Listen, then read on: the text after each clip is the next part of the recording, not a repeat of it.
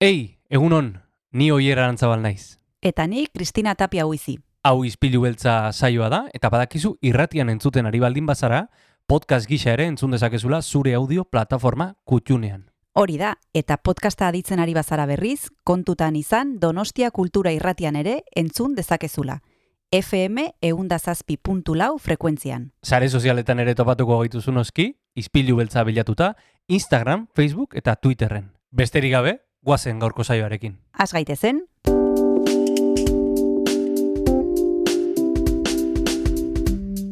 Ispilu beltza. Donostiako kulturaren berri, Oyer Arantzabal eta Kristina Tapia buizirekin. Egun honen entzule ostirala da, gure egun kutxuna, irailako mar ditu eta izpilu beltza, astera doa. Egunon, Kristina? egunon oier, ja ostirala da. Ostirala da, Eta iraileko azken eguna, gainera. Bai, iraila badoa, ekit gauza ona den, ala txarra den, ze, e, e, bueno, urtea amaitzeko lanak oraindik e, amaitu gabe dituzten entzat, agian e, e, beldurgarria izan daiteke, baina bueno, e, aurrera egin behar dugu, aurrera egin behar dugu, iraila amaituko dugu ostiral honetan, eta nola amaitu ere. Bueno, amaituko dugu liburutegietara hurbilduta, badekizue ostiraletan literaturari buruz aritzea gustatzen zaigula eta gaur etorriko da ispilu beltzara Miguel Arina, liburutegi nagusitik, berak aukeratu du liburu bat, horren inguruan aritzeko anikilazion, Michel Julebekena, idazleari buruz asko hitz egin dugu, baina egin dugu liburuari buruz.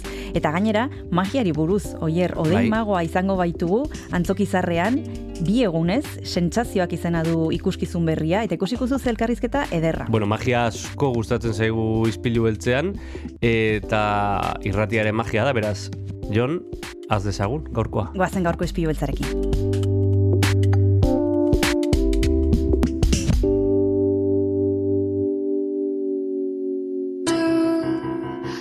Ostiral honen entzule, guazen gaurko saioa gogoz astera, eta besti eder batekin egingo dugu, Regina Spector abeslariaren Two Birds kantuarekin.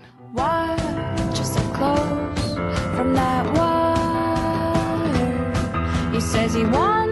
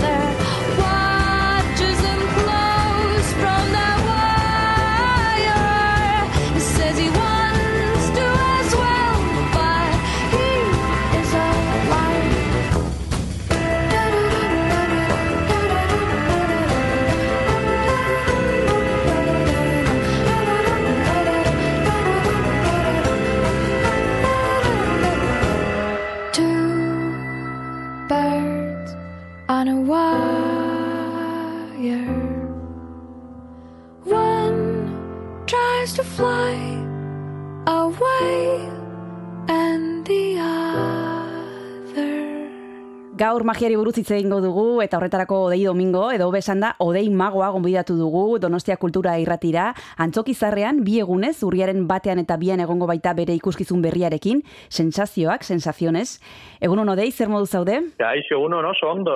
Bueno, lehenbiziko gauza gustatuko litzeguke jakitea zer den sentsazioak, sensaziones, zer prestatu duzun emanaldi ontarako. Bueno, ba, sentsazioak publiko familiarrerako magia ikuskizuna da, zeinan bai aurrek, baita helduek ere, ba, une, bueno, desberdina bizitzeko aukera izango dute. E, teknologiari buruz hitz egingo dugu, Mhm. e, ea nola, bueno, gure gizartea eraldatzen ari den, zer gauzetan, ba, gugandaka eragina, e, denok, ba, bueno, sontzunak hau ez da, adibidez, de auzoko den, den, txikien des- desagerpena, eta Mhm. holako gauzen kontua. Bueno, ba, ikuskizun honetan, gai hauek jorratuko ditugu, gauza onak, gauza ezain onak, e, iritzirik eman bagabe, publikoak bere, bere iritzi propio izango du, baina, bueno, nik uste, ba, dependentzia eta holako ba, gauzak, ba, aman komunian jarrita danok berdina pentsatuko degula. Eta horri buruz egiten duen, magia ikuskizuna da, magia honi buruz hitz egingo du. Eta zergatik erabaki duzu Odei eh, arreta jartzea teknologia berrietan? Beno, ba, guk 2018an e, ingurumenari buruzko ikuskizun bat atera genuen, formatu txikikoa eskoletara joaten dena, eta ikusi genuen nola magiak, e, ba, bueno, e, e, tresna ezigarri bezala erabilita, ba, oso emaitza honak ematen ditu. Orduan, e, beti planteatu genuen, ba, gure formatu handiko ikuskizun bat, ba, ideia hauekin eitia. E, zerbait, ba, beno, mezu bat ematia, eta antzekoa. Eta orduan, hau prestatzeko une iritsi zenean, kontatu, konturatu ginen, ba, teknologiak dakan garrantzea gaur egun gure gizartean, bait ez bakarrik helduengan, baita txikiengan ere. Danok, bueno, ohituta gaude ba ikustera, aurrak jatetxe batean mugikorra begiratzen bazkaltzen duen bitartean, edo eta gaur egun, ja ez zain txikia dienak, baina, bueno, oraindik aurrak esan aldieguna, ba, TikToken eta olako kontutan. Orduan, ba, bueno, konturatu ginen, ba, e, o, garrantzia zekala gai hori, eta dut, zergaitik ez hau jorratu, eta jendea antzokitik ateratzea ez bakarrik harrituta e, magia normalan gertatzen den moduan, baizik eta baita, ba, mezu batekin, ba, antzerki ikusta joten garenean bezala. Atentzio deitzen dit esaten duzunean magia erabiltzen duzula gai hauen inguruan hitz egiteko e, bai e, ekologia edo teknologia berriak. Nola egiten duzue? Ma, por, antzeslan batean argiago ikusten dugu nola egin dezaketen hori, ez? Baina magiaren bidez zuk nola helarazten duzu mezua? Bueno, ba, sentsazioak ikusi zonaren kasuan adibidez, e, guk ez genuen e, magia pixkatola kalzadillo sartu nahi, eta Hmm. fu- e, pixkat egotea hola kolokan magiaren erabilera eta aitzaki bat izatea gaia. Baizik eta magiak gaia jorratzea posibilitatzea. Orduan, e, ikuskizuna bai, bueno, teknologiaren alde azten da, e, ba, bueno, egia da, teknologiak alde honak dituela, noski, e, adibidez, tresna asko izan ditzakegu gure esku, telefono muikor bakar batekin, e, behar izatekotan, erabilia izateko. Baino, e, magiak izan bezala da, pixkat, bueno, gaia jorratzen duten diguna, eta pixkanaka, pixkanaka, ba, bueno, e, dana iluntzen dikoa, ez da, dana pixkat e, desbideratzen dikoa alde horretatik, zer eta, bueno, ba, adibidez, ba, Amazoni buruz hitz egingo dugu, adibidez, ezta? Eta nola, ba, bueno, e, gaur egun bere alakotasun hori, ez? Nola dakau ja, barneratuta, de, zerbait erosita, ja hemen nahi dugu, e, eta egiten eta hola, baizik eta e, sortu den jokaera moduko bat da, ezta? Ba, bueno, ba, Amazoneko pakete bat agian izanatuketik egan egingo, du, zergaitik ez da holako gauzekin, beti gaiekin erlazionatuta, eta magia gai bat jorratzen nahi dezunean, ba, azkenean errepertorio sortzea edo bilatzea da agian puntu zailena. Gurt eta erdi egun honetan lan egiten, Italia, Polonia eta Las Vegaseko ba, kreatzailekin ibiligea ikuskizunaren gauzatxo batzuk egiten. Eta bai, azkenean, ba, erronka zailena hau izan da, dana, esan bezala zentu izatea, baina nik uste emaitza, bueno, polita gelditu dela, eta, eta jendariren konbiatuko dugu, ba, hau, e, ikustera etortzea. Hain justu horren inguruan galditu nahi nizun, zenbat denbora behar duzu horrelako lan bat prestatzeko, eta zein da prozesua, zein da parterik ba, zailena, edo gehiago kostatzen zaizuena, zenbat denbora eta ze zailtasun ditu olako lan batek? Bueno, ba, esan bezala ja repertoriak zentzua izatea, kasu honetan gai bat landu nahi degunean, ba, erronka zailenetariko bada. E, originaltasuna bilatzea, publikoak ez ikusitako ideiak egotea, zerbait berritzailea izatea, e, baita erronka bat da. Magi ideien artean, ba, batzuk e, hiru egunetan ideia idatzita dakazu, eta pixkat ja gutxi gora bera e, eginda, baina beste batzuk agian urte bateko prozesua dira. E, orduan, pixkat, ideia bakoitzak bere ritmoa daka. Gero ja, ideia dakazunean, eta ta pixkat erabakita dakazunean, gero estenagatzen eman behar diogu. Formatu handik ikuskizuna da, argiztapen muntai oso visual batekin, e, soinu banda oso markatu batekin, orduan, Behiatu behar dezu dana hori, aman komunian jarri dia guztiek aman komunian gauza hauek izatia. Eta gero denboraren kontua, bideragarritasunaren kontua, azkenean beti ba, ideia batzuk daude ikuskizunetik kanpo geritzen dienak, hor se erreserban, ba, agian e, beste produkzio berri baterako urte batzuk eta batzuk, e, baina, zaiena normalin lehenengo pausua gainera hori da. Errepertorioa bilatzea eta batez ere desberdina originala eta kasu honetan zentzua izatea. Ba, deskantsu bat hartu behar dugu, odei, eta horretarako gure gonbidatuei abesti bat eskatzen diegu, abesti bat pintxatzea. Ez dakite zuri ze musika mota gustatzen zaizun, hola abesti bat eskatzen Bueno. badizu zer etortzen zaizun burura.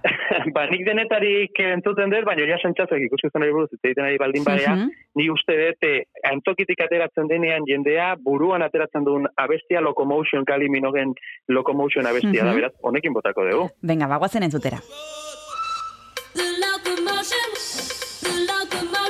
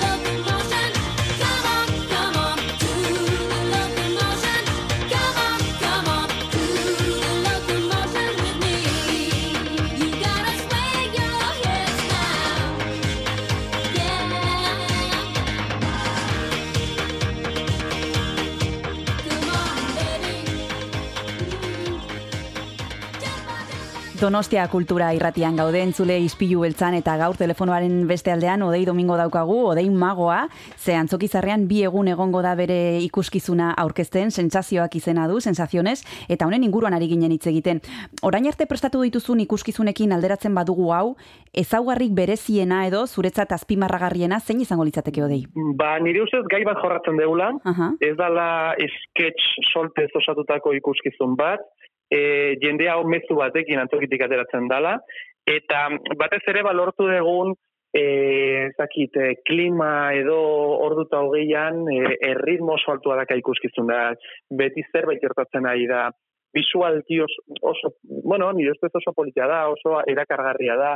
E, orduan, bueno, azkenen, pausu desberdin zaztuta, lortu dugun emaitza hori, globalian lortu dugun emaitza, ni uste, e, bueno, nire ikusizun berezi edana dala, lan gehien kostatu dana, eta publikoarekin oso ongi funtzionatzen duna, orain zuekin Euskaraz Donostian, Euskaraz estrenatzen dugu, ja da gaztelaniazko bertsioa estrenatu genuen, eta emaitza oso oso onak eman zen publikoan beraz, eh, oso pozik gaude emaitzakin. Horrelakoak ere hartzen dituzue kontuan e, aurrekoetan, e, aurreko esperientzietan eta aurreko emanaldietan zer funtzionatzen duen, e, publikoak zer hartzen duen gehien kontuan, mm, zuek ere hortan fijatzen zarete gero urrengoa prestatzeko? Bai, bai, bai, bai, noski, eta ez bakarrik urrengo prestatzeko, baizik eta oraingoaren lehenengo emanaldietan, ba, oraindikan gauzak finkatzeko egon daitezke, edo gauzak zer- zertxo aldatu daiteke, ba, hemen erritmoa galtzen du, edo eta hemen hau ez da nahi genuen moduan sartzen, du o, nahi genuen moduan funtzionatzen, baino bai, bai, noski, guk aurrekoak beti kontuan hartzen ditugu, batez ere, zerbait ezberdin egiteko,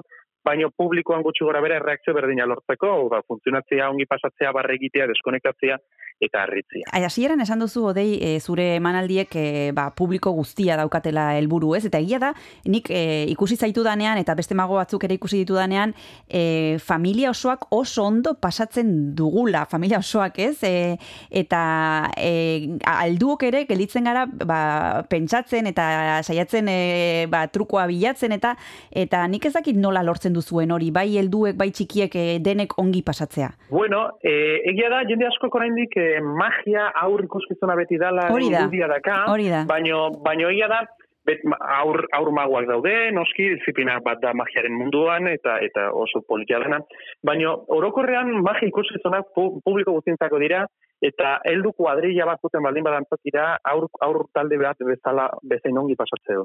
E, baina horrein digan bada hori, horrein digan zalantza puntu hori, ezta?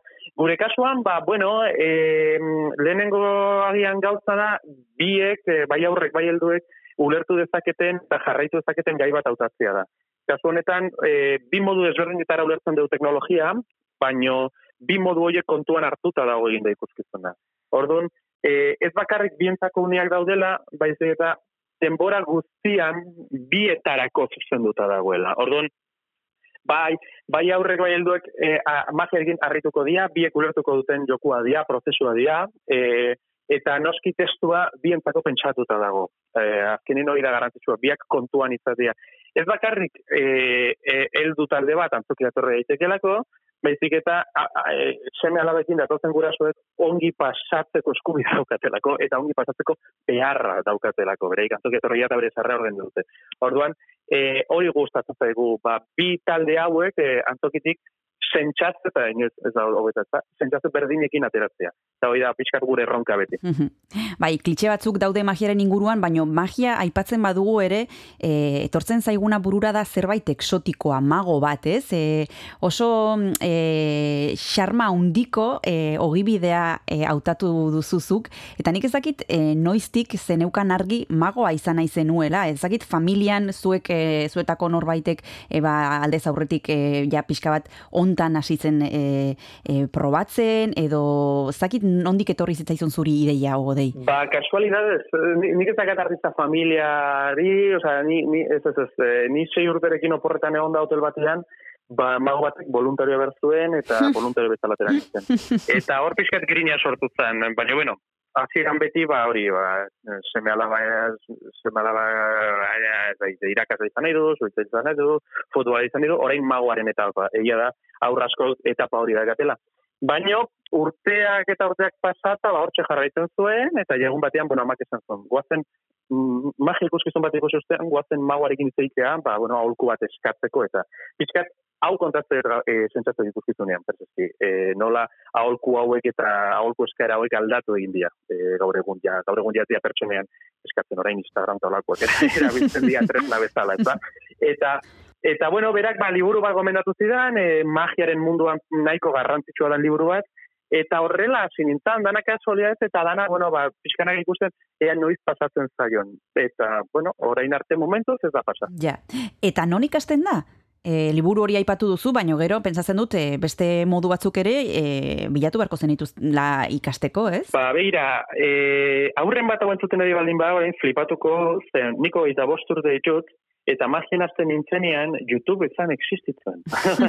Ja, eske. dela gutxiko kontua da, orain dela gutxiko evoluzioa da. E, YouTube justo hasten ari zen. E, lehenengo bideoak hasten ziren, eta e, jendea, kanalak egiten zituen YouTubeen pixkat, e, jendea erakartzeko. Eta clickbait orain famatua dena, ba, ja gara horretan egiten zen. Orduan, bideo asko zeuden, e, truko de magia revelado, olakoak. Orduan, gauza hauek ikusten hasi nintzen, tresnarik ez neukanian. Baino, egia da, benetako magia liburutan dagola, e, eta normalian ez dira eta orain dela mar urteko liburuak ere. Orduan, e, mago horni esker, ba, bueno, liburuak ezagutu nituen, non erosi altzen ezagutu nituen, gaur egun e, oso erraza da, gaur egun interneten jarrita magia denda tarara, ja aurkitze zu, ez da, ez da ez, sekretua. Baina garai horretan internet ez zegoen hain, hain garatuta, magia denda asko ezakaten webgunerik noski, eta magia denda, bueno, Barcelona, Madriden daude, eta batzuk e, Parisen edo batuetan. Orduan, e, bueno, pixkat hasi nintzen, hola, zailtasun hauekin, baino egia da, ja, liburuak ezagutu nitunean, batxe irakurtzen hasi, jokuak e, ikasi, eta batez ere asko ikusten. Niri, txikitatik ez zait bakarrik magia gustatzen, antzerkia, musikala gustatzen zezki zirkua.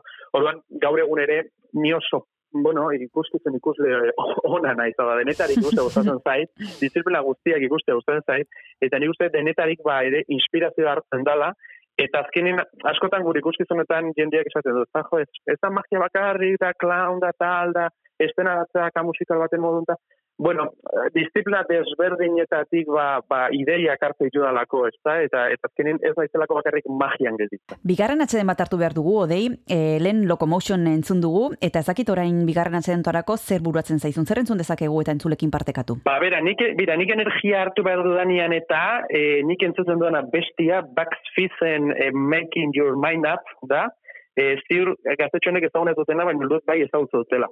E, beraz nik abara biltzen normalen. Primeran, bagoazen entzutera.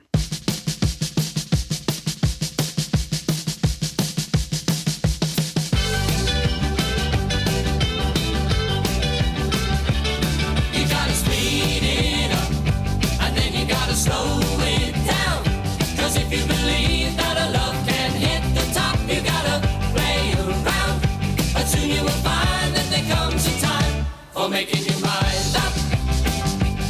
You gotta turn it on, and then you gotta put it out. You gotta be sure that it's something everybody's gonna talk about before you decide that the time's right for making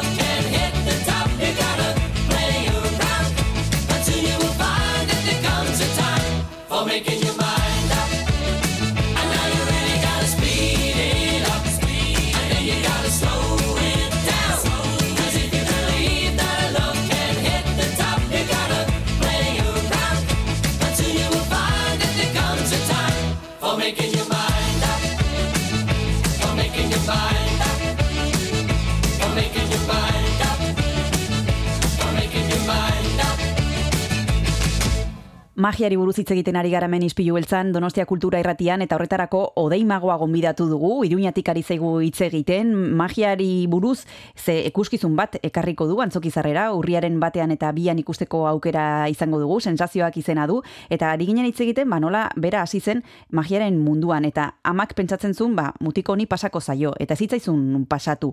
Em, gauzarik zailena bide hontan zer izan da, etxekoa konbentzitzea adibidez? Ez, ez, ez, ez, ez. Zaiena kanpokoa konbentzitzea da beti.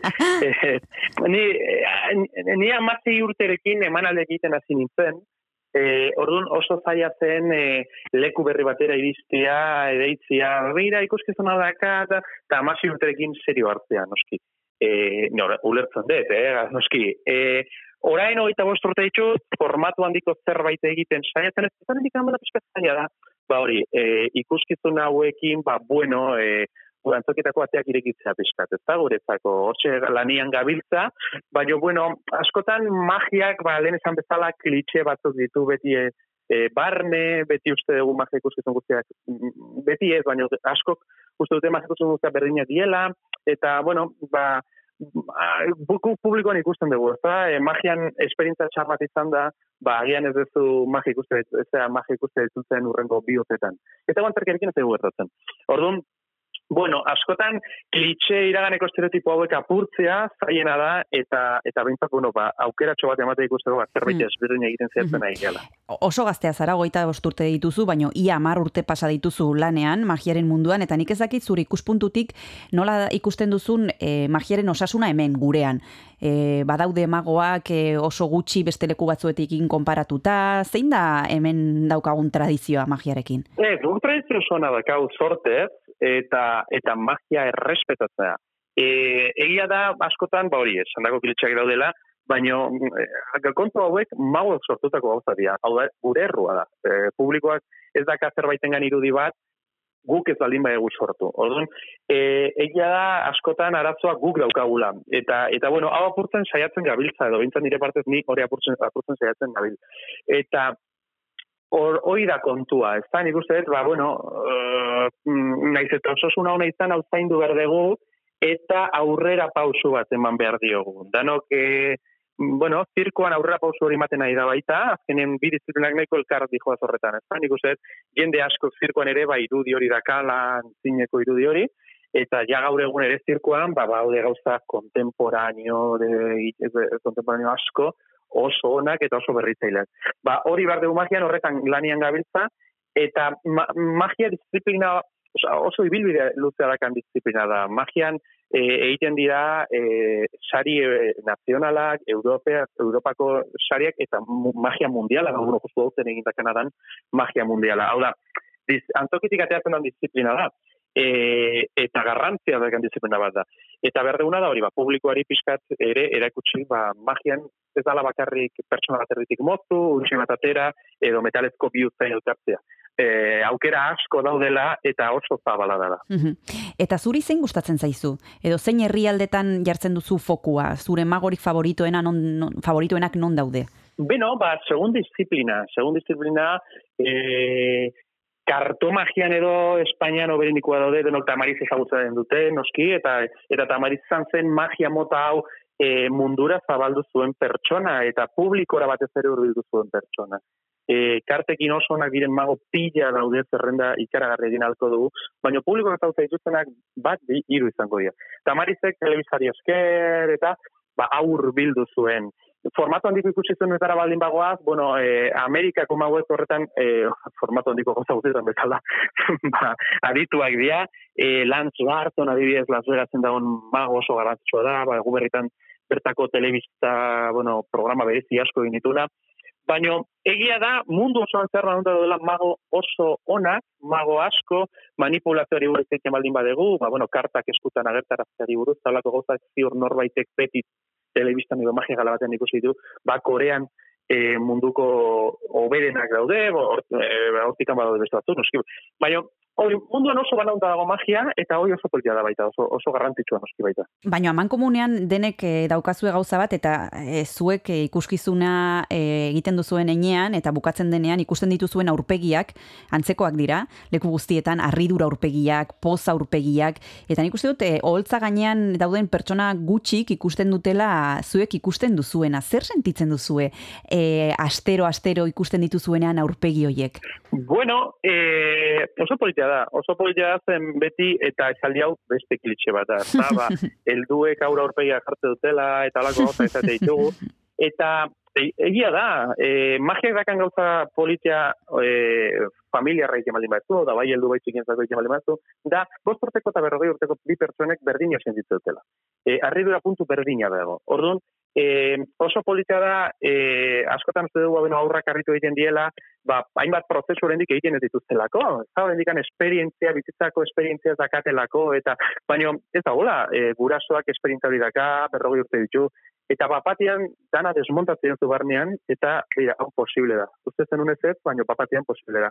Eta naiz eta denok jakin trampa bada hola, edo lako zerbait da hola, e, momentu batez kodigo hori onartzen dugu, eta ez da hogez urresatia, eta engainatzea baizik eta momentu batez ilusionatzera etorrigia. Dana posible dala e, sentitzera. Eta oso politxa da, e, manaldi bukaz- bukaeran, ikustea nola, ba, publikoak kodigo hori onartu du, e, truke hori, ez da nik ilusionatu zaitut, e, momentu batez, eta eta listo, eta jongo geha hemendik, eta aztuko geha, ba, jondo larra join du, ba, ba, ba, ba. eta oso politia da, gainera ikustetan beti izaten den nire eskuzen zedala, ez bakarrik jendea harrituta ateratzea, baizik eta barre eginda ateratzea. Eta uste deskonektatzeko ere oso garrantzitsua dela, ba, ba hori pizkat, terapia modun ikusitzen hartzea. Barre egin dut, harritu naiz, eta horrein jarraitzen dugu gure bizitzarekin. Baina hor duta hogei, dana aztu, eta arazo guztiak juntza izkit, eta venga. eta hori, bost, zazpi, zortzi, amar euroren truke. Osea, Zoragarria. Plan zoragarria. Guk e, entzulei gomendatzen diegu, odei magoa ikusteko, urriaren batean eta bian antzokizarrean ikusteko aukera izango dugu, donostian, sensazioak izena du bere emanaldi berria. Plazerra izan da zurekin hitz egitea odei, ea zer moduz doan, e, doa, zer moduz e, doan bi ikuskizun hoiek, bi emanaldi hoiek. Mila esker izpilu beltzara hurbiltzeagatik eta besarka handi bat urrengor arte. Egun, mila esker, urrengo arte. Aio. Inor begira izan da ere, berdin egin nahi nuke. Inor begira izan da ere,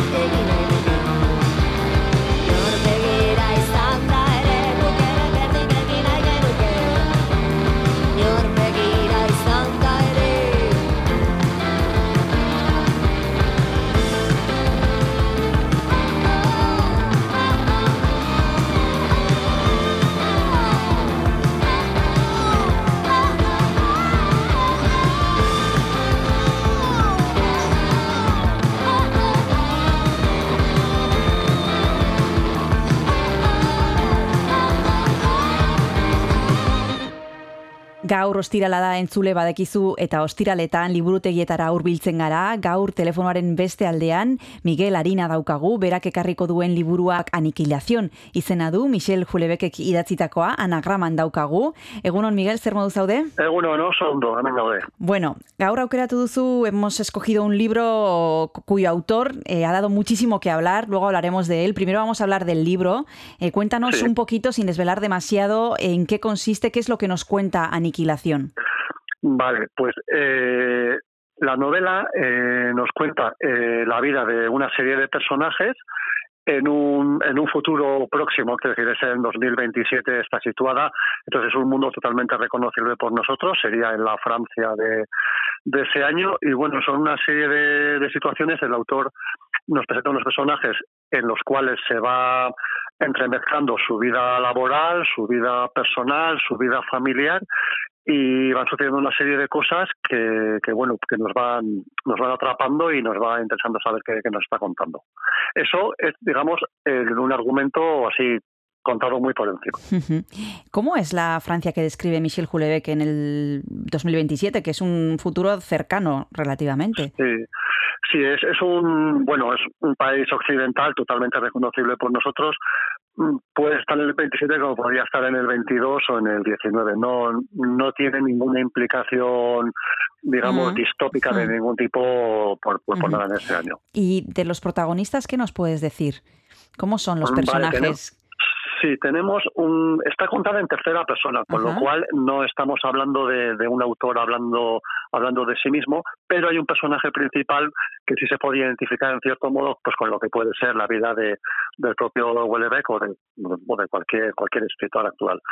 Es el protagonista que se llama Paul, entonces eh, se va se va moviendo por una parte en su ámbito laboral, luego en su ámbito digamos personal, de su pareja, de su vida en París, y luego tiene un, un, un entorno un, un entorno familiar eh, un padre ya mayor que por un momento sufre un ictus y lo tienen que llevar a una residencia, entonces aparecen aparece su hermana con, con su pareja, su hermano, y entonces pues, se juntan todos en el pueblo, vuelven a París, entonces ahí se va desarrollando una serie de imágenes, o sea, perdón, de reuniones, relaciones entre personas, donde aprovecha el autor pues para hablar de, mil cosas como normalmente suele hacer él.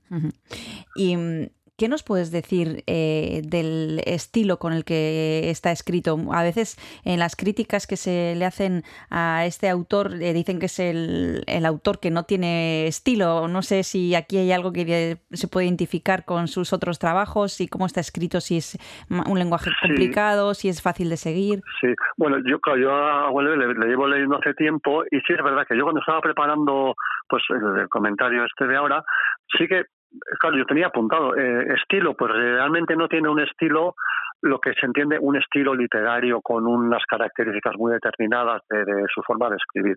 Y ayer también ojeando un, pues unos apuntes sobre Huelve, eso realmente es un autor que no tiene estilo. Claro, aparentemente no tiene estilo, es por lo que se podía decir en su momento de Baruja o de Hemingway, ¿no? Que escribían, que escribían como muy, como muy llanamente, pero claro, yo creo que también en este caso la falta de estilo es, es no sé si un estilo, sino una forma particular de escribir.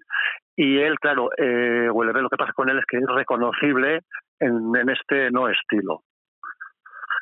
Claro, él, él aprovecha esta forma de no tener estilo eh, para mientras está desarrollando el argumento de la novela, en este caso, tengo aquí más o menos anotado, eh, cuando va, él habla con sus relaciones laborales, con un jefe en el ministerio, él está de asesor en, de un ministerial, entonces este, este personaje también pues está en el, en el mundo de la política, luego está su padre que está en el mundo de los hospitales, otras hermanas, una hermana suya pues pues trabaja como es, una muy católica, eh, un, tiene otro cuñado en paro que es notario, entonces aprovecha todos estos ámbitos en los cuales se van se van mencionando que van apareciendo para hacer comentarios sobre ellos. Entonces, según se va desarrollando la novela esta sin estilo, donde van pasando cosas más o menos normales o más o menos, bueno, extrañas, y aprovecho para hablar, pues habla sobre, sobre la religión, sobre relaciones, habla sobre la sanidad, cómo es la medicina, también habla de costumbres sociales,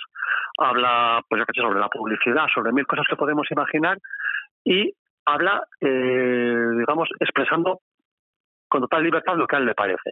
Entonces, eh, bien puesto en, boca del personaje o bien puesto en, en el boca del narrador, pues bueno, puede opinar sobre todo. Entonces, es lo que suele pasar con Houellebecq, que se le critica bastante y es está tomado un poco como un enfant terrible porque eh, no se corta, no tiene no tiene corrección política y realmente dice lo que lo que piensa sobre sobre los diferentes temas que van que van apareciendo. Ahora mismo, Miguel, vamos a continuar hablando de este libro y de este autor, pero antes Sí. sabes que nos vamos a tomar un descanso y que para eso te voy a pedir que nos propongas una canción para compartir con los oyentes. No sé qué has pensado para este primer trocito. Sí, no, bueno, para esta está está muy fácil la de Good Sex the Queen de los Sex Pistols.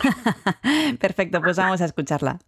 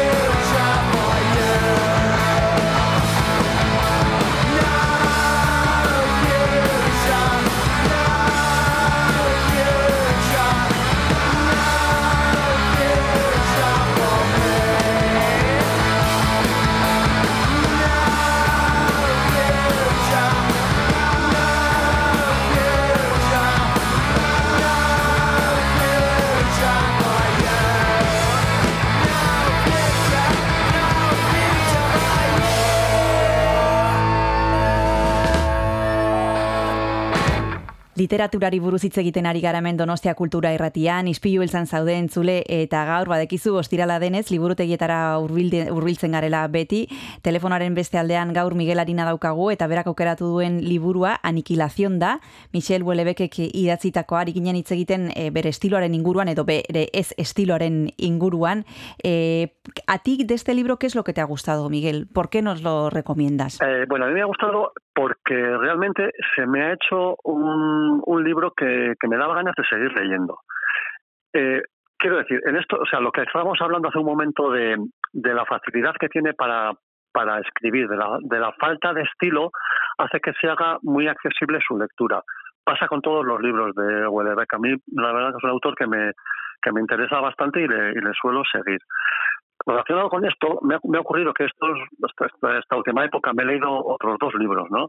Y me ha pasado con, con otro de ellos que tenía un estilo como muy definido. Es decir, estábamos hablando muy de literatura, eh, entonces el, la autora en este caso jugaba con los tiempos, jugaba con los personajes, se retrotraía a la infancia, eh, añadía pues un montón de, anotaciones de tipo cultural, de referencias así un poco selectas, pero, pero me aburría, o sea, porque no acababa, de engancharme. Sin embargo, con estas novelas, eh, esta y ya digo, otras de él, eh, pues te interesa saber a ver qué, qué va a ocurrir, qué está sucediendo, incluso todas las opiniones que va vertiendo sobre, él, sobre los diferentes temas que van surgiendo eh, se hacen totalmente comprensibles, cercanas, aunque no estés de acuerdo con lo que con lo que está proponiendo, ¿no?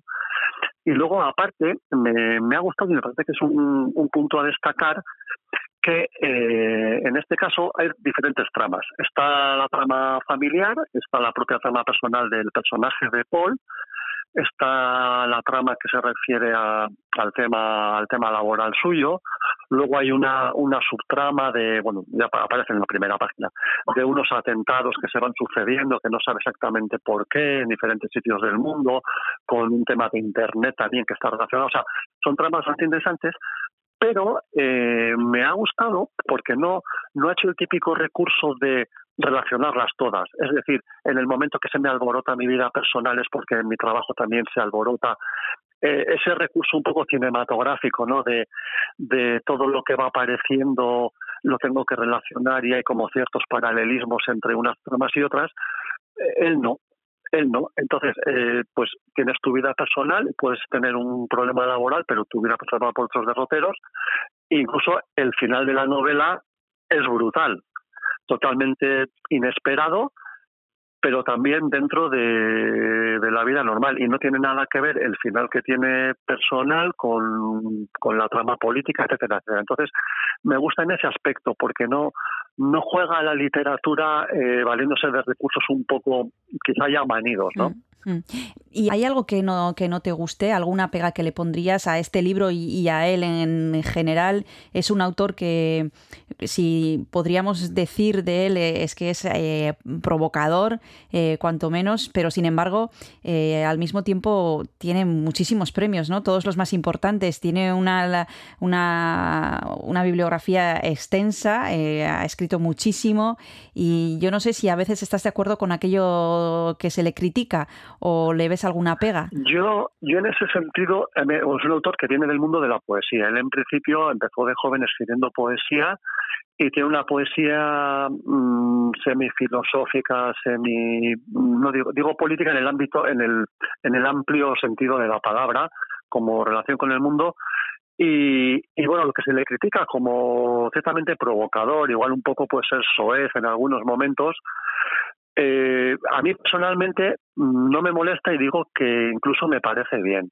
Me parece bien porque considero que tiene que haber esa parte de, del arte, en este caso la literatura, como pues es la escultura, la pintura, un poco de, de provocar, de, de hacer, de tocar las, los puntos sensibles de la sociedad, incluso de, de hacer, de hacer reflexionar, porque claro, si, si está todo hecho, todo asumido, todo, todo bien entendido, eh, pienso que esa no sería la función total del arte. Entonces, a mí su, su punto de provocador, que es totalmente consciente por su parte, considero yo, porque porque es una persona que, que ha estudiado filosofía, que, es poeta, que es ensayista, o sea, no es alguien que, que provoca por provocar como podría ser el, punk en su momento, ¿no? Que los punkis podían ser en cierto modo gente sin, sin tener cultura. Esta es una persona eh, cultivada, inteligente, entonces yo creo que, que todo eso es un punto de provocación que puede estar hasta estudiado. Y a mí personalmente me, me gusta. Entiendo que haya un, cierto público al que no le guste. De todos modos, esta novela quizá es la, la menos rompedora en ese sentido, en el, en el sentido de provocar, aunque bueno, eh, se entiende que hay gente con la, con la piel muy fina que, que todo le afecta ¿no? hoy en día. Ahora vamos a hablar de eso, Miguel. Nos vamos a tomar el segundo descanso y te voy a pedir eh, la segunda canción. Antes hemos escuchado a los Sex Pistols y ahora ¿qué nos propones? Bueno, el autor es mucho más elegante a David Bowie y la canción Héroes. Perfecto, pues vamos a escuchar a David Bowie.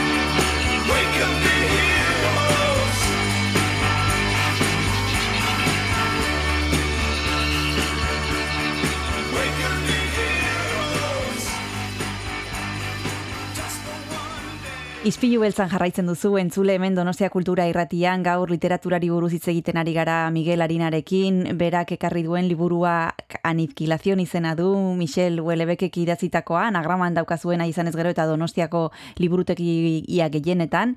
Eh, estábamos hablando del autor, vamos a recordar a los oyentes que es un autor francés nacido ultramar en la isla de Reunión con una vida eh. eh, bueno, complicada o compleja, ¿no? Bueno, eh, ha ido pasando de, abuela a abuela, de padre, eh, al final ha conseguido un trabajo eh, de funcionario, lo que le permitió un poquito también tener esa tranquilidad para poder escribir. Como hemos dicho antes, tiene muchísimos libros con los que ha conseguido muchísimos premios. Algunos de los más conocidos pues, pueden ser El mapa y el territorio, Ampliación del campo de batalla, Las partículas elementales, Plataforma, Sumisión. Este último tuvo una polémica muy grande en su momento, eh, pues por la percepción que tiene el autor, eh, o al menos lo que en el libro trasladaba sobre el Islam. El Islam ha sido uno de sus temas y yo no sé cómo, cómo percibes tú esto. A veces tú decías antes que es una provocación premeditada. Sí, sí, yo creo que, que bueno, que hay diferentes temas que, que afectan a la sociedad y al ser humano en general, y pienso que es labor de los escritores o de los intelectuales, así dicho, me suena muy en momentos de intelectual, pero un poco de, de meter el dedo en la llaga y, y hacer que escueza, ¿no? Por ejemplo, el, el tema del libro Sumisión, ¿no? que está colocado también, está colocado en un, en un futuro próximo, que creo que era 2022, pero está escrito hace unos años, y donde pues, en ese sentido se planteaba eh, una realidad que, que puede suceder, era que un partido, un partido islamista pues ganaba las elecciones en Francia, ¿no? Entonces el personaje de ese libro pues se plantea cuál va a ser su realidad a partir de entonces. Y claro, este, este tipo de, de, de reflexiones que suelen, suelen doler en la sociedad o suelen, suelen picar. Pero yo creo que, que en ese sentido es, es necesario. Y, por ejemplo, eh, también considero que, que Houellebecq, claro, ha tenido una vida muy dura, ha tenido rechazos por parte de padres, ha vivido en muchos lugares, entonces eh, ha tenido divorcios, ha estado solo, ha estado con problemas. Entonces yo creo que, que le da un poco lo mismo lo que lo que puedan pensar de él, ¿no? De hecho, incluso en, hay ocasiones en que aparece en la televisión francesa en debates con, con un aspecto un poco desaliñado y un poco desastroso, que igual juega también a eso, eh, que puede, claro, para que para que te escuchen en principio en, el mundo actual, él habla también sobre eso, ¿no? en, el libro, en el mundo de Internet, en el mundo de, las redes sociales, eh, aparte de lo que digas, desgraciadamente tiene que ser como lo digas o, qué papel puedes representar para que te escuchen, ¿no? Y el papel este de Enfant Terrible, que siempre se ha, producido en la literatura, fundamentalmente en Francia, ¿no? Pues, pues bueno, creo que hay que buscarlo. Ayer también me estuve fijando que uno de, los autores, que es Fernando Arrabal, que defiende defiende a, a y en, en algún en algún sentido pueden tener algo algo en común, ¿no? De, personajes que, siguen provocando, siguen siguen creando polémica y llamando la atención sobre temas temas culturales, eh, sociales, políticos, que, que yo creo que son importantes.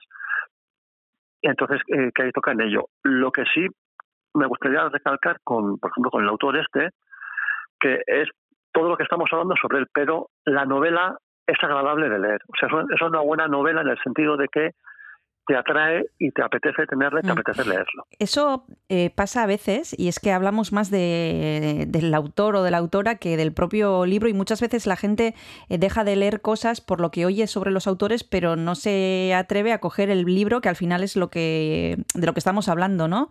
Y Claro, es claro. una pena eh, que, que ocurra eso porque igual el libro, eh, pues como dices tú, ¿no? El libro es muy agradable de leer y se lee muy fácil y está muy bien y nos enredamos con, con las historias de los autores. Y se suelen crear prejuicios, porque en el, en el mundo cultural, eh, imagino, como también, también lo denuncia, eh, hay todo tipo de intereses, fundamentalmente económicos. Entonces, eh, se trata de vender libros y hay autores que que eso que pueden ser un poco extraños, un poco el caso de ha sucedido en España con Santiago Lorenzo, el de sí, el de los asquerosos, sí, la- eso, la los Asquerosos. sí. Entonces, eh, también él es un personaje particular que vive en su mundo, pero el libro, el libro es genial. Entonces, eh, hay que distinguir entre, entre el autor y el, y el libro. Entonces, claro, hay autores que están ya eh, instalados en el establishment, entonces ya se leen pues porque hay que leerlos, ¿no? O por lo menos se venden los libros. Sin embargo, hay, hay bastantes autores que están un poco, digamos, en los márgenes, pero que sus obras son, son, son atractivas. O sea, y yo, por ejemplo, eh, sí que considero a estas alturas de mi vida, se suele decir, ¿no? que un libro me, que un libro me entretenga, independientemente de los valores que pueda tener, de que esté bien escrito, de que literariamente sea bueno, pero tiene que ser atractivo, aparte de, de que tenga muchos valores, o sea, que culturalmente se le puede considerar una gran obra, pero si no es atractiva, si, si te aburre en última instancia, pues tampoco sé si merece mucho la pena. Y esto que estoy diciendo, esto que estoy diciendo es muy serio y no sé si en la biblioteca puede parecer bien, pero bueno. Bueno, pero estamos charlando tranquilamente, Miguel. Y otro de los conceptos que has mencionado anteriormente y que me gustaría, antes de terminar, detenerme un poquito en él, has dicho que tenemos la piel fina, o algunos tienen la piel fina. ¿Te parece que tenemos la piel cada vez más fina? ¿Que antes pasaban cosas que ahora mm, las censuramos eh, más rápido? Mm, Sí, ayer estuve leyendo unas declaraciones de Carla Lejalde que decía que la película Airbag en su momento fue un Sí, boom, sí. hoy no se podría hacer. Hay, hay elementos eh, culturales, artísticos de los años 80 que hoy en día serían impensables porque porque quien quien los los, los efectuara se metía en un, en un problema jurídico y yo creo que eso es cierto. Hay una, una censura instalada a nivel global, en, en el mundo entero me refiero, hay ciertos temas de los cuales no se puede hablar, hay una censura incluso personal, una autocensura que nos la van creando y, y no sé, yo, yo abogo por, por intentar romperla. Es complicado porque está el mundo editorial como está, entonces quien publica los libros eh, claro, no le interesa que nadie, pues, pues digamos, cuestione su, hmm. su forma de ser, hmm. su forma hmm. de, estar. Entonces es complicado, pero yo sí creo que lo que decía es eso, eh, la piel, la piel muy fina, si la cosa en el mundo del arte está un poco, un poco complicado. Bueno, nosotros nos vamos a dejar de pieles finas y vamos a dejarnos de, de enzarzarnos eh, en hablar de, de, los autores y vamos a centrarnos en los libros, que es lo, a lo que venimos aquí en Donostia Cultura y Ratía. Y por eso vamos a recomendar a los oyentes que lean Aniquilación, que es el libro que nos ha traído hoy Miguel Harina, de Michel Huelebec. Mila esker, Miguel, izpilu beltzara urbiltzeagatik eta horrengor arte plazerra izan da beti bezala. Mm, berdin, berdin, zina. Agur, agur. agur. My mama always said.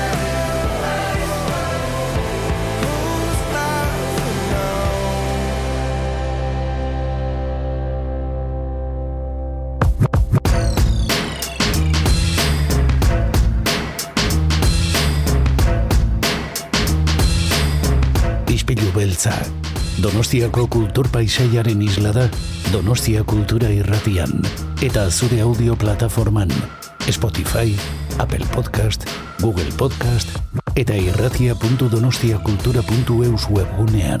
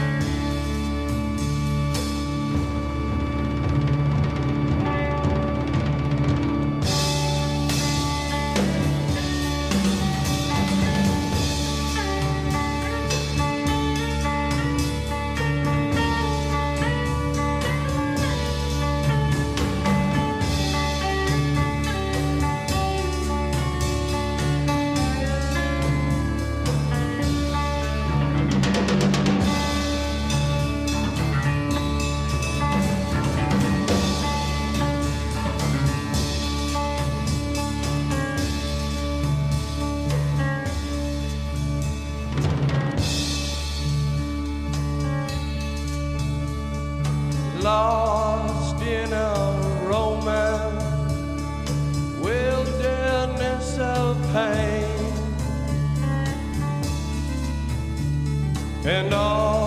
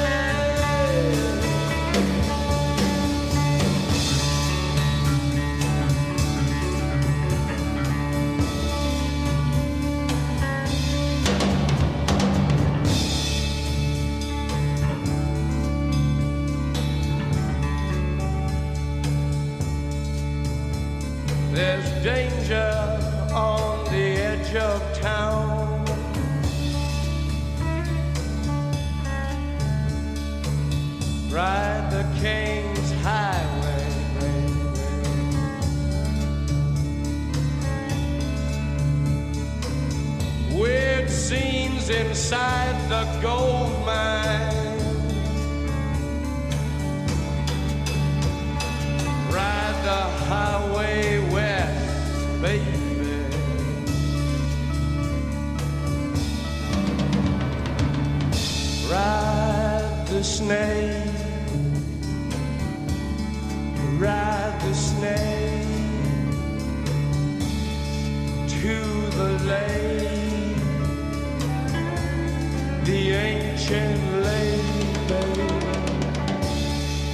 he's long, seven miles. Ride the snake.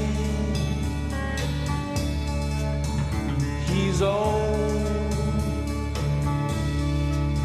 and his skin is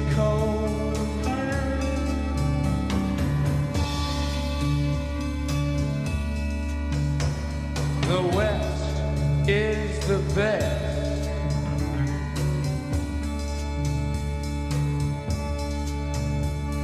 The West is the best.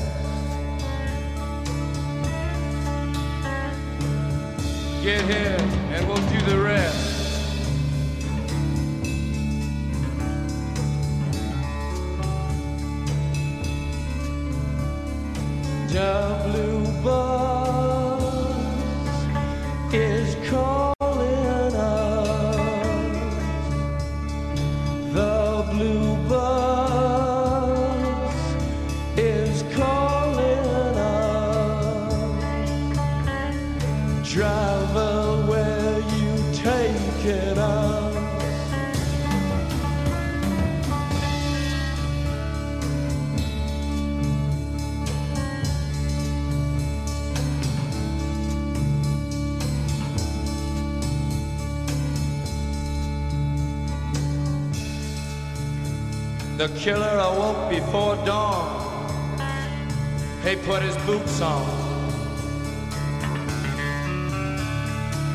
He took a face from the ancient gallery and he walked on down the hall.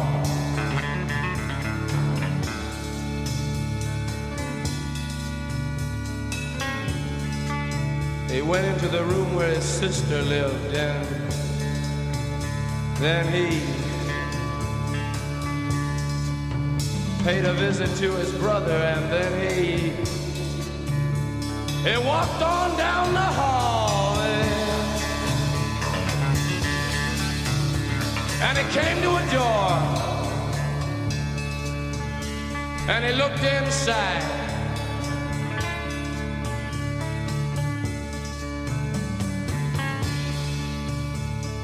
Father, yes son, I want to kill you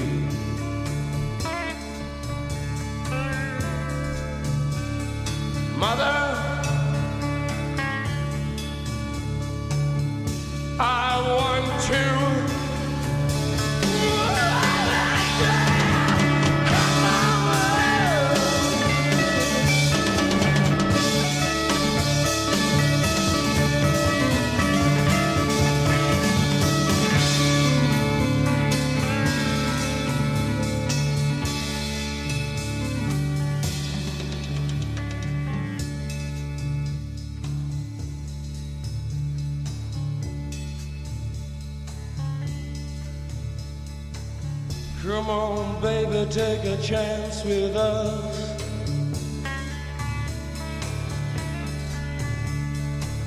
Come on, baby, take a chance with us.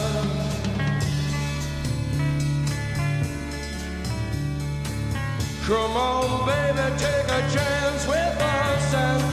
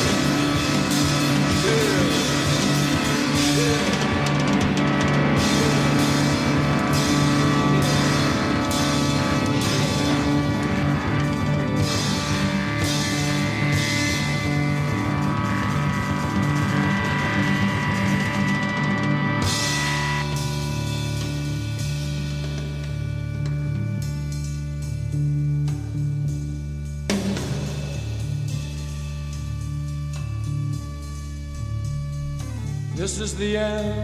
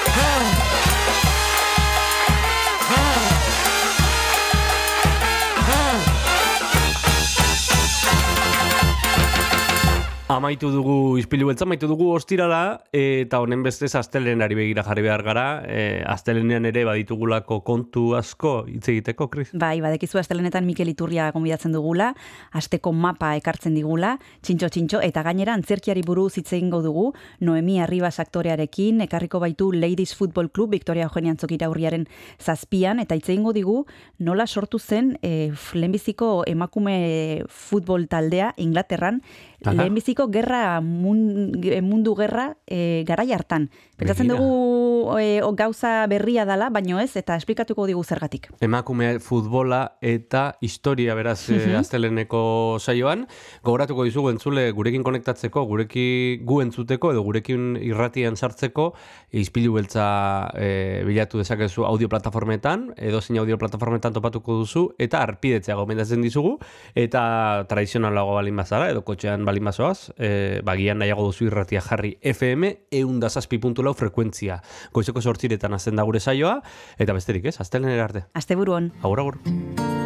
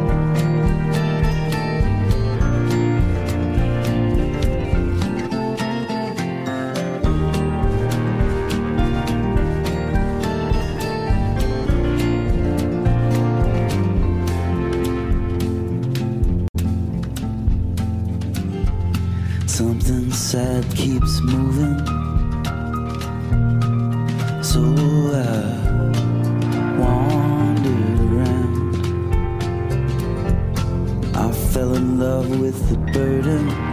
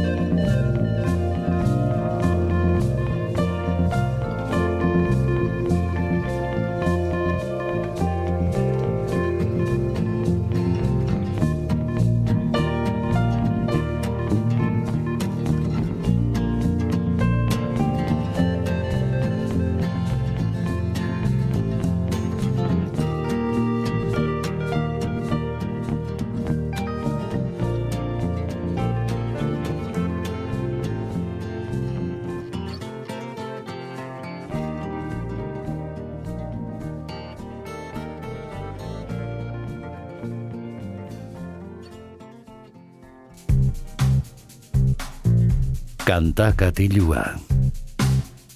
Jon Gartziaren eskutik. Ostiralon entzule, iritsi gara ostiraleko kantakatilura, izpilu beltzari amaiera emateragoaz eta bide batez asteburuari ba, ongi etorria ematera. Badakizue gogo sartzen ditugula asteburuak, naiz eta tira, aste hasierak ere gogo sartzen ditugun, izan ere gustatzen zaigu izpilu beltza egitea, nola ez. Eta tira, ostirala gogo sartzeko Warm Dusher taldea ezagutuko dugu, haien Whale City izeneko diskoarekin, eta alaxi hasten da Bright Lights kantuarekin. I woke up this morning, carved her name into my arm, kissed her on the cheek, and said goodbye forever. No bags packed, no round trip tickets. I'm heading straight to Whale City, and they're all gonna know my name. I see the lights off this full tank of gas. I watch these flames burn in the distance. I'm coming home. These golden oldies will see me through, and the dust is gonna fill my lungs.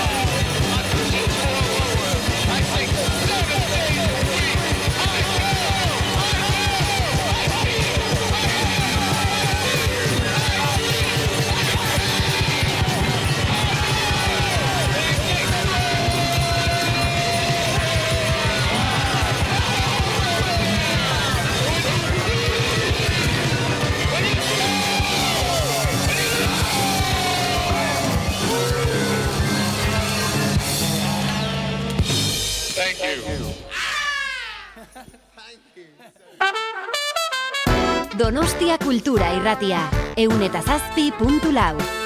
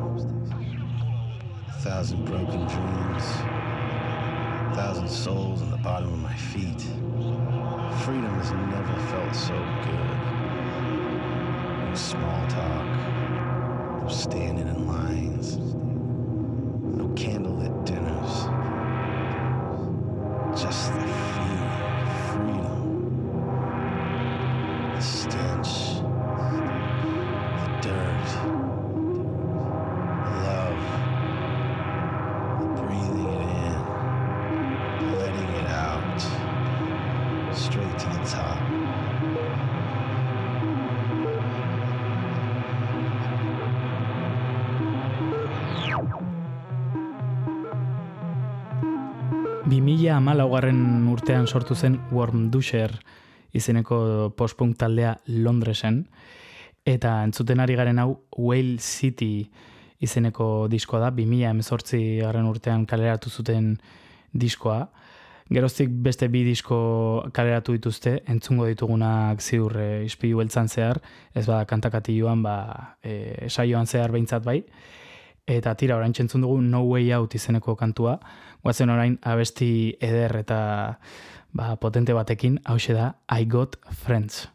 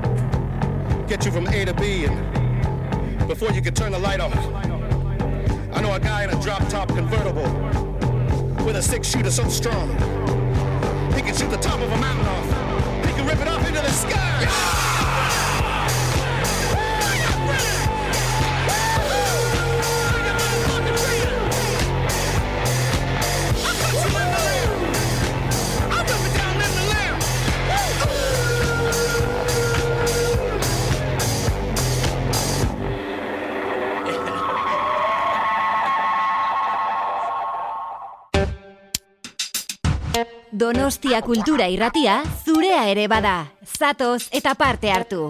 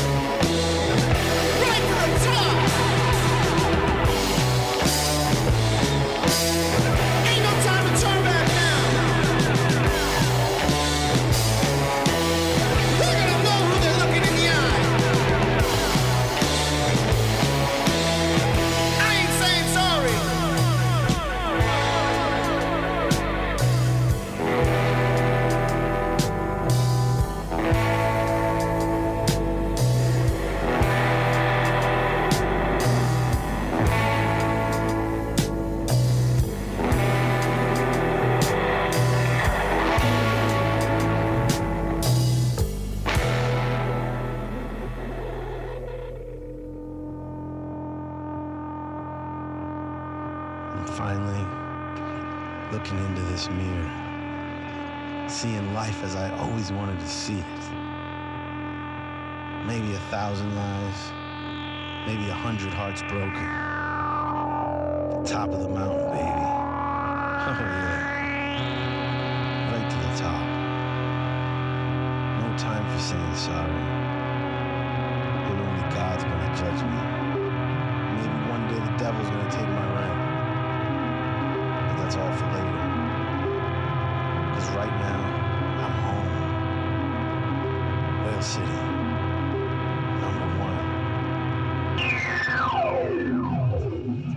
Amaitu dugu izpilu beltza eta iritsi gara ostiraleko saioaren benetako amaierara.